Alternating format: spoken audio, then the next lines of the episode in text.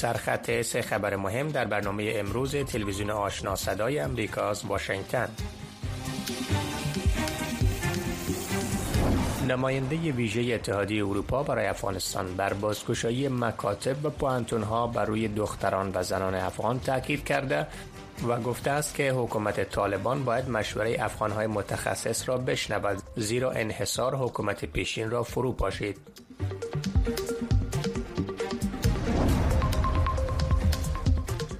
صندوق وجهی سازمان ملل متحد برای کودکان یونیسف می‌گوید که برای درمان صدها هزار کودک و مادران شیرده مبتلا به سوء تغذیه در افغانستان طی سال روان میلادی به 186 میلیون دلار بودجه نیاز است.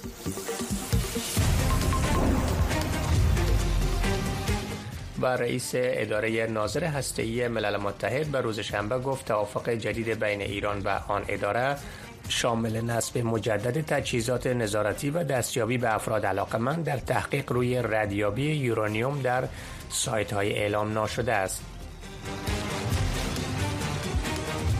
سلام بینندگان گرامی. به برنامه امروز خوش آمدین. امروز یک شنبه پنجم ماه مارچ سال 2023 میلادی هست. برنامه امروز به طور مستقیم از طریق وبسایت و فیسبوک تلویزیون آشنا صدای آمریکا و همچنین در رادیو روی موج متوسط 972 کیلوهرتز.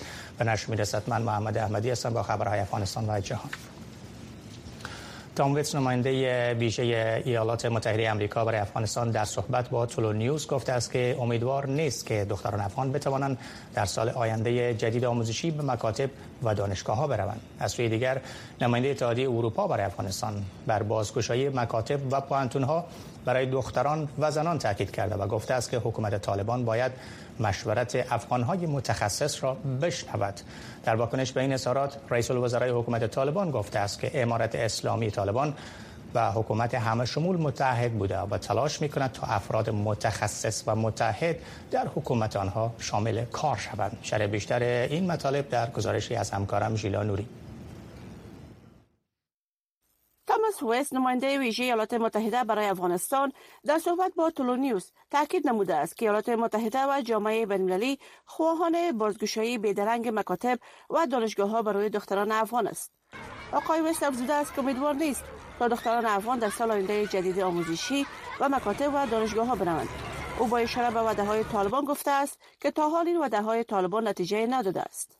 معاونیت سیاسی ریاست الوزرای حکومت طالبان وقت روز شنبه در خبرنامه از دیدار توماس نیکلاسن با عبدالکبیر معاون سیاسی ریاست الوزرای طالبان خبر داده و با نقل از این دیپلمات اتحادیه اروپا گفته است که آنان از آموزش دختران و پسران در افغانستان حمایت می کنند. در خبرنامه ریاست الوزرای حکومت طالبان به نقل قول از آقای نیکلاسن آمده است آرزو دارم که دروازه های مراکز آموزشی بر روی پسران و دختران باز شود. امارت اسلامی مشوره های افغان های متخصص و مجرب خارج حکومت را بشنود زیرا حکومت قبلی را همین انحصار سرنگون کرد. این در حال است که در حکومت طالبان به جز از افراد وابسته به این گروه هیچ کسی دیگر در پست های کلیدی حضور ندارند و مقام های طالبان بارها حکومتشان را فراگیر خواندند. عبدالکبیر معاون سیاسی ریاست الوزرای طالبان در ملاقات گفته است که امارات اسلامی با حکومت همه شمول متحد بوده و تلاش می‌کند تا افراد متخصص و متحد را در حکومت شامل کار نمایند از سوی دیگر به دلیل ادامه ممنوعیت کار زنان در نهادهای خارجی و خیریه در افغانستان وال استریت ژورنال در صحبت با شمار از زنان افغان گزارش نموده است که زنان افغان به خاطر ادامه ممنوعیت کار زنان در مسائل خارجی با وضعیت ناگوار اقتصادی روبرو هستند و توانایی حمایت و تهیه مواد غذایی برای فرزندان خود را از دست دادند. ژیلا نوری تلویزیون آشنای صدای آمریکا واشنگتن بیننده گرامی اکنون برای بررسی بیشتر اظهارات توماس نیکلسن نماینده اتحادیه اروپایی در امور افغانستان در مورد این که به طالبان گفته است مشورت افغانهای متخصص را بشنود. زیرا انحصار حکومت قبل زیرا انحصار حکومت قبلی را فرو پاشید. در این بخش برنامه با آقای عبدالله شفایی استاد حقوق و تحلیلگر امور سیاسی مقیم ایتالیا صحبت می‌کنیم. آقای شفایی سلام روزتان بخیر.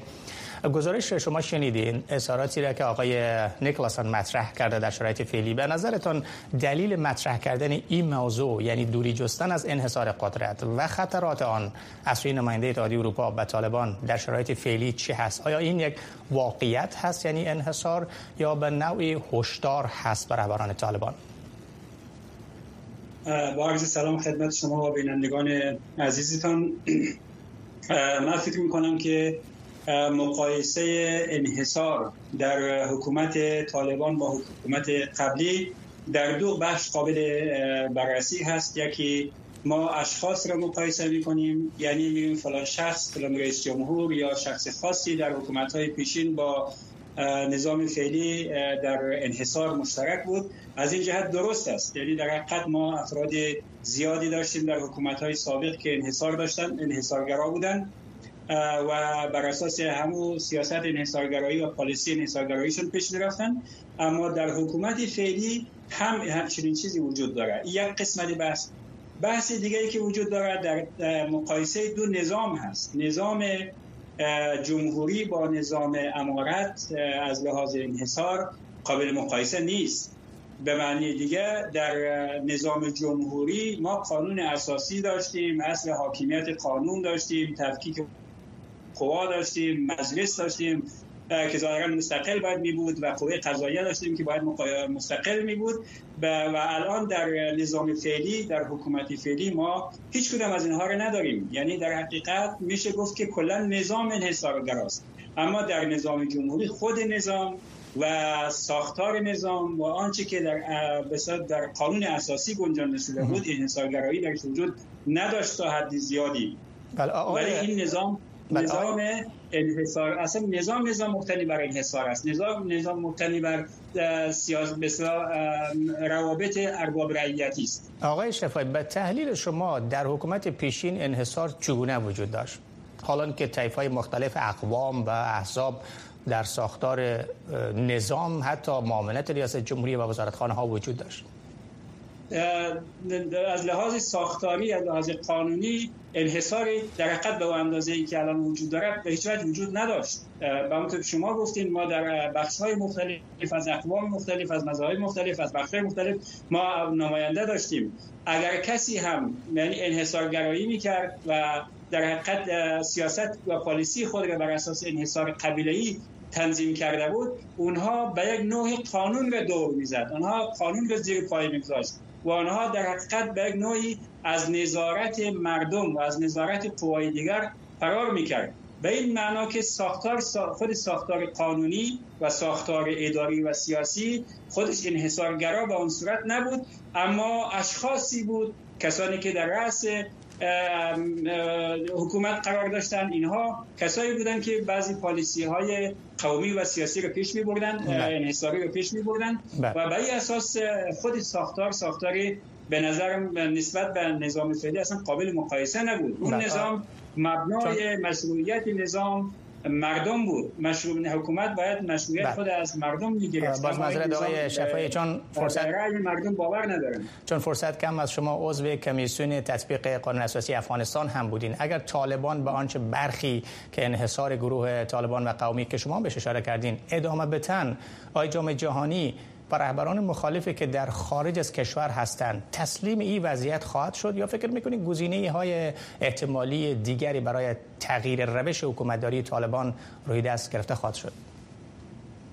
من فکر می‌کنم که اصلا دنیایی که طالبان در او الان فعلا به سر می‌بره و تصور می‌کنن در دنیای ذهنیشان و دنیای, دنیای باورهایشان با آنچه که دنیا می‌گوید متفاوت اصلا گپ دنیا را نمی‌فهمد و متوجه نمیشه که در دنیا در حقیقت آنچه که در دنیا اتفاق افتاده مدرن و مدرنیزه چی است؟ اما در در حقیقت طالبان رهبر خود نماینده خدا میدانه و نظام خود را تنها نظام اسلامی در دنیا میدانه برای اساس آنچه که در دنیا از حقوق بشر از حقوق زنان از تحصیل از حقوق اقلیت ها از مشارکت ملی و آنچه گفته می شود برای از اونها هیچ هیچ اصلا قابل تصور نیست. یعنی به مثال معروف که میگه نرود میخ آهنین بر سنگ اینا هم همینطور شده. هر چی دنیا سفارش بکنن محکوم بکنن اینا برای از اونایی که هیچ ارزش ندارن. اونا باورش این است که ما فاتح هستیم ما پیروز شدیم.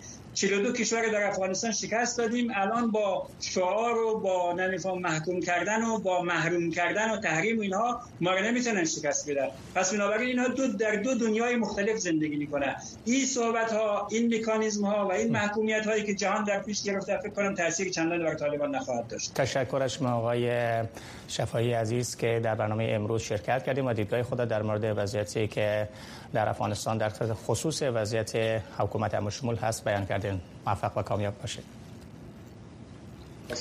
بینندگان گرامی در این قسمت برنامه توجه شما را جلب می کنم در صحبت اختصاصی ما با مهمان برنامه ما در استودیو جناب آقای سمی سادات قماندان پیشین قل اردوی عملیات های خاص اردوی افغانستان و یک تن از جنرالان پیشین حکومت پیشین که در استودیو با من هست روی موضوعات مختلف و ویژه گزارش سیگار می‌خوایم بهشون صحبت بکنیم سلام جناب سب خوش آمدین. به برنامه امروز سیگار یا اداره تفتیش حکومتی فدرال ایالات متحده آمریکا گزارشی را نشر کرده و در مورد وضعیت نظامیان افغان در حاکمیت طالبان برشمرده. یک از موضوعاتی که بیشتر بهش اظهار نگرانی کرده برشمرده شکنجه تعقیب و یا به عبارت دیگر توقیف این نظامیان پیشین افغانستان هست. به نظر شما تا چند از شما معلومات دارین؟ این گزارش صحت داره و وضعیت نظامیان چی هست؟ تشکر آقای احمدی. بله متاسفانه که نظامی های سابق افغان نه تنها نظامی ها بلکه فعالان حقوق بشر جورنالستا پلیس و کارمندای سابق دولت جمهوری اسلامی افغانستان در زندان های طالبا به شکل سیستماتیک هماهنگ شده و دوامدار شکنجه می شوند از بین برده می شوند و این موضوع به سطح حکومت یا رژیم طالبا یک موضوع مطرح است و تمام طالبا به شکل هدفمند یک جای به خاطر شکنجه و از بین بردن نظامیان سابق افغانستان کار می‌کنن متاسفانه هر شب بندیخانه های مختلف طالبا شکنجه های گوناگون صورت می‌گیره که شما می‌تونین از پالوی زوبندی خانه تیر شوین که چیغ مردم با آسمان بلند می شود آیا شما این نگرانی را و این وضعیت را با مقام های امریکایی و اروپایی صحبت کردین؟ چون شما جنرالان پیشین اردو هستین طبعا شناخت و اعتبار صحبت های شما هست. اونا چی گفتن در ارتباط به رسیدگی به این وضعیت؟ همگی از این وضعیت خبر دارن. سازمان های حقوق بشر اتحادیه اروپا دولت امریکا و همگی از ایالت خبر دارن. اما متاسفانه کدام پلانی که فعلا به خاطر تغییر از وضعیت دنیا داشته باشه نداره و تلاش مایی است که افغان خودشان یک طرح را مطرح کنن و حمایت جامعه جهانی را به او بگیرن که به خاطر نجات افغانستان از این وضعیت باید عملی شود. به نظر شما که از وضعیت افغانستان آگاهی دارین و در افغانستان کار کردن با اردوی ملی با هزاران سربازی که در خط مقدم جنگ با طالبا بودن. فعلا اگر بخواین رسیدگی بکنن در خارج از افغانستان هستن. طالبا در حاکمیت هستن. به نظرتون چه کار باید صورت بگیره؟ چه کاری می‌تونه تغییر بنیادی را برای وضعیت یا بهبود وضعیت این سربازای افغان احمدی صاحب تغییر بنیادی در افغانستان تغییر رژیم طالبا هست. بدون تغییر رژیم طالبا متاسفانه ما کدام رای را نمی بینم و تلاش ما به خاطر عزیز که افغان متحد شوند منسجم شوند نه تنها نیروهای سابق امنیتی افغان بلکه تمام جوانان افغان از جامعه مدنی سیاسیون کسایی که در بخش اقتصادی کار می‌کنند. دیگه افغانایی که در بیرون هستند و داخل هستند به خاطر تغییر رژیم طالبا و گرفتن آزادی افغانستان همگی منسجم شوند. وقتی که ما از مذاکرات سیاسی صحبت می‌کنیم طبعا برای همه شمول شدن حکومت طالبا هست. آیا فکر می‌کنین که نیروهای نظامی افغانی که سالها با انگیزه در مقابل طالبان جنگیدند آیا علاقمند هستند که در کنار طالبان در یک صف باشند؟ نه خیر نه یک پالوهای بسیار گمراه کننده متاسفانه بعض وقت توسط غربی ها مطرح می شود مذاکره با حکومت طالبا برگشتن دختر دخترها به مکاتب ببینین حکومت طالبا با آمدن ما و خودت بهتر نمیشه. نسخه طالب نسخه مستبد است نسخه ظلم است نسخه محدودیت است نسخه دیکتاتوری هست. هر کسی که به یک جایم شوه این نسخه تغییر نمی‌کنه. وضعیت زندگی مردم تغییر نمی‌کنه.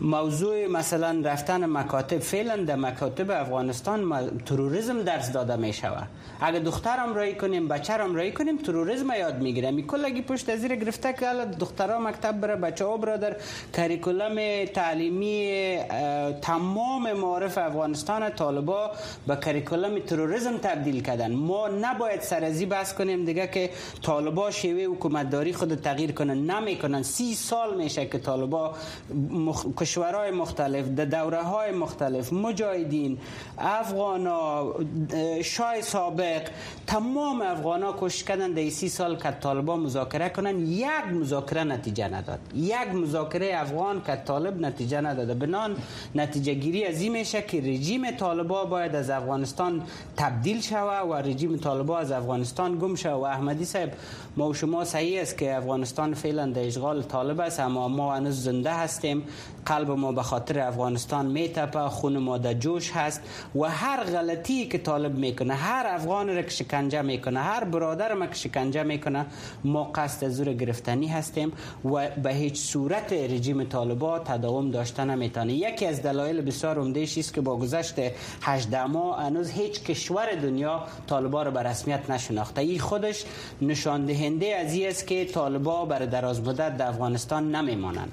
تشکر از شما آقای سمیع سادات از جنرالان پیشین اردوی افغانستان و همچنین قماندان پیشین قلوردی عملیات های خاص حکومت پیشین افغانستان که در استودیو امروز حضور یافتین و اظهار نظر کردن در مورد وضعیت نظامیان افغانستان. موفق و کامیاب باشید صندوق جمعیت سازمان ملل متحد در افغانستان می‌گوید که تنها در ماه جنوری سال جاری میلادی برای 450 هزار زن و دختر در سراسر این کشور خدمات صحی باربری ارائه کرده است. این اداره ملل متحد روز یکشنبه در پیامی در توییتر تاکید کرده که آنان برای ارائه خدمات صحی به هزاران زن و دختر و ویژه مادران در سراسر افغانستان ادامه می‌دهند. ملل متحد تخمین می‌زند که هر ماه 24 هزار زن در مناطق دور افتاده افغانستان برای زایمان و پرستاران ماهر چون قابله ها نیاز دارند بر اساس آمار سازمان جهانی صحت افغانستان با 638 مورد مرگ در هر 100 هزار تولد زنده. بیشترین مرگ و میر مادران را در آسیا دارد. پس از مسلط شدن طالبان و خروج نیروهای خارجی در ماه اگست سال 2021 افغانستان با بحران شدید اقتصادی و بشری روبرو شد و در کنار سایر سکتورها نظام صحی این کشور نیز با بحران واجه گردیده است.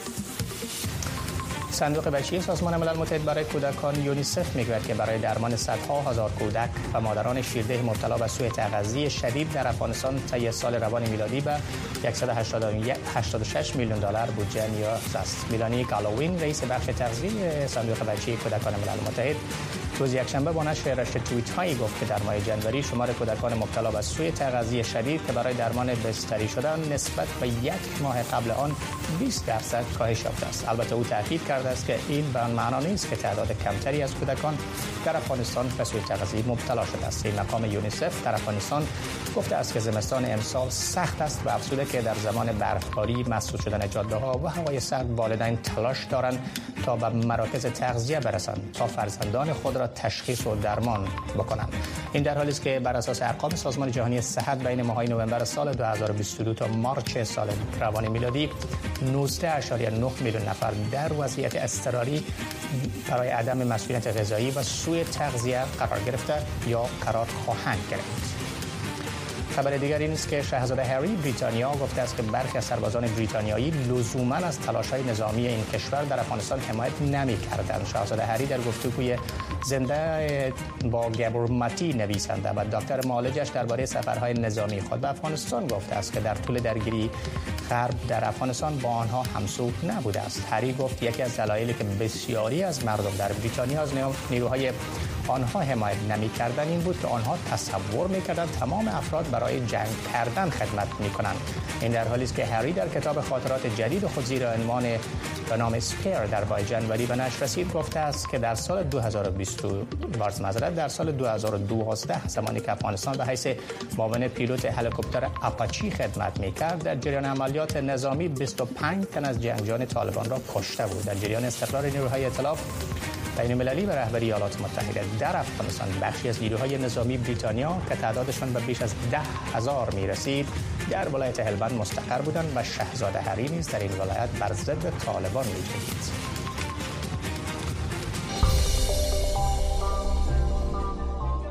روز بین المللی زن. بررسی وضعیت حقوق بشری و آزادی های فردی و مدنی زنان در افغانستان زیر سلطه طالبان. آزمون های فراروی زنان و دختران در کشور معرفی زنان تاثیرگذار و گفتگوهای ویژه حاوی واکنش ها در رابطه به حقوق زن را در ویژه برنامه های ما از تلویزیون، رادیو، ماهواره و شبکه های اجتماعی صدای امریکا به تاریخ 8 مارچ فراموش نکنید. رئیس اداره بین المللی انرژی اتمی روز شنبه گفت که توافق جدید بین ایران با اداره شامل نصب مجدد تجهیزات نظارتی و دستیابی افراد علاقمند برای تحقیق درباره ردیابی آثار یورانیوم در سایت های اعلام نشده می باشد. شرح این گزارش رویترز را همکارم نجیب خلیل به توجه می رسند. رافائل گروسی رئیس اداره بین المللی انرژی اتمی در یک کنفرانس مطبوعاتی درباره بیانیه مشترک صادر شده پس از برگشت از تهران وضاحت داد و گفت که دیدارهای بعدی که در آن بیانیه ذکر شده است خیلی زود انجام خواهد شد. Uh,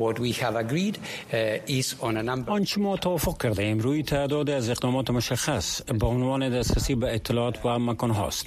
چنانچه تصور می‌کنید این چیزی است که روی آن ما با ایران موافقیم. بعدا در مورد نتیجه گیری یا ارزیابی های خود گزارش خواهیم داد. اما چیزی که ما تصمیم گرفتیم این است که خیلی خیلی زود تعداد جلسه های تکنیکی را برگزار خواهیم کرد. آقای گروسی بر اهمیت آغاز گفت و شنود اشاره کرد و گفت اهمیت امروز این است که ما اینجا هستیم و اینکه من معتقدم که یک پیشرفت یک بهبود قابل توجه کم از کم در زمینه گفتگوی من با حکومت ایران ثبت شده است. فکر می کنم همه صحبت ها شنیده شد و امیدوارم به زودی شاهد نتایج باشیم. اداره بین المللی انرژی اتمی و ایران بیانیه مشترک درباره بازگشت رافائل گروسی رئیس آن اداره از سفر به تهران تنها دو روز قبل از نشست فصلی شورای حکام 35 کشوری صادر کردند. آنچه برای ما مهم است این است که ایران میزان غنیسازی مورد انتظار را در آن تأسیسات تایید کرده است ما می‌خواهیم و باید آن را روشن سازیم اما با گفته دیپلمات ها در این بیانیه جزئیات کم ذکر شده است و موضوع احتمال بهبود قابل توجه در روابط بین دو کشور ممکن مانع فشار غرب برای صدور قطعنامه دیگر برای دستور همکاری ایران شود. با این حال ایران پیش از این نیز وعده های مشابه داده است که نتیجه چندانه نداشته یا هیچ نتیجه نداشته است. گروسی بلافاصله پس از ورود به ویانا گفت که ایران قرار است دسترسی به اطلاعات، مکانها و افراد را فراهم کند و پیشنهاد کرد که پس از سالها کارشکنی ایران پیشرفت گسترده صورت گرفته است.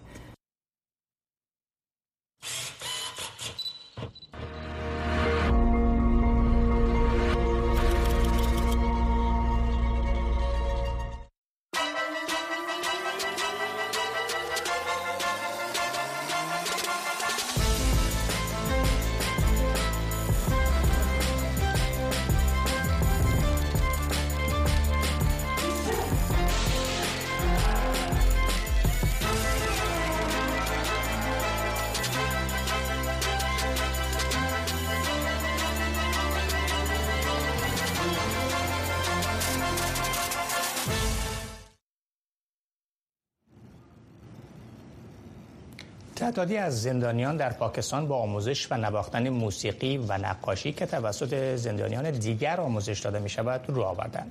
این زندانیان می‌گویند که با این کارشان نه تنها از لحاظ روحی آرامش پیدا می کنند بلکه با عوایدی که از طریق فروش آثار هنریشان به دست می آورند و خانواده های خود نیز کمک می کنند. خبرگزاری اسوسییتد پرس در این باره گزارشی را تهیه کرده است که فرخنده پیمانی آن را به توجه می رسند.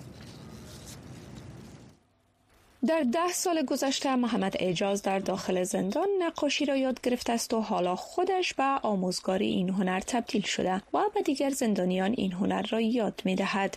اعجاز این سرگرمی را در زندان مرکزی کراچی شروع کرد جایی که او در حال گذراندن دوره حبس 25 سالش به جرم اختطاف در بدل پول است او می‌گوید یادگیری و آموزش این هنر هم از لحاظ مالی و هم از نظر روحی به او خیلی کمک کرده است اینجا در زندان به هنر نقاشی علاقه من شدم. آنچه را ما اینجا نقاشی می کنیم در نمایشگاه ها به فروش می رسد با پولی که از طریق این نقاشی ها به دست می آوریم مصارف فامیل و خانواده های خود را تامین می کنیم و مصارف خود را در اینجا نیز به دست می آوریم اخیرا نقاشی های ما در یک نمایشگاه در اسلام آباد به نمایش گذاشته شد.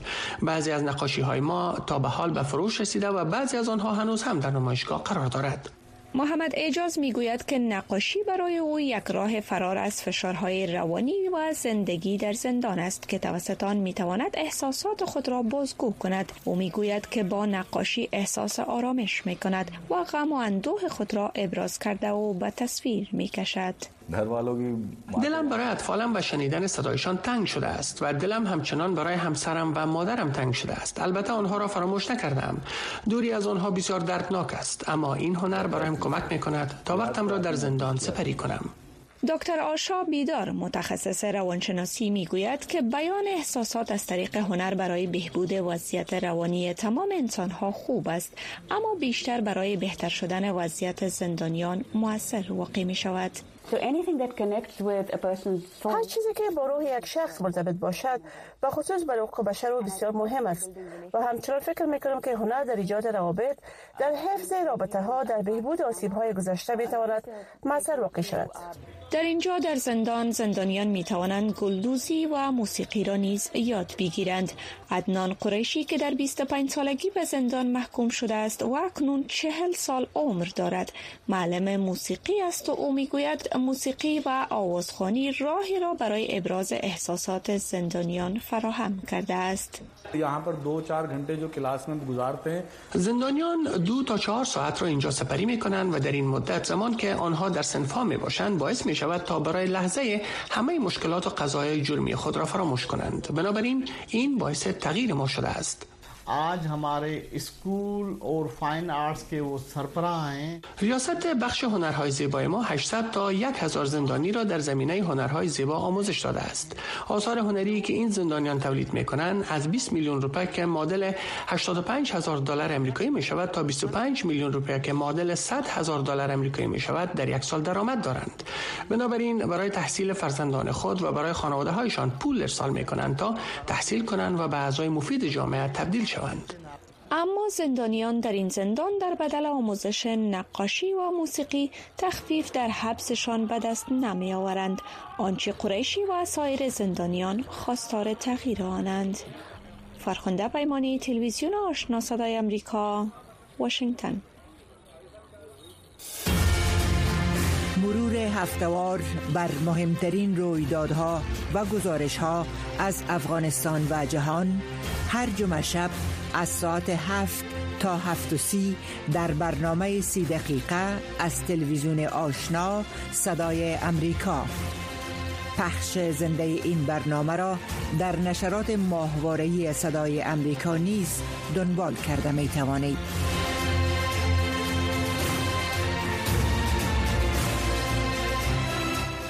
بینندگان عزیز این بود داشته های برنامه امشب تلویزیون آشنا صدای امریکا تا لحظات بعد. شما شنونده و بیننده نشرات رادیو آشنا خواهید بود که به گونه زنده از روی فیسبوک و وبسایت صدای امریکا نشر می شود موفق و کامیاب باشید.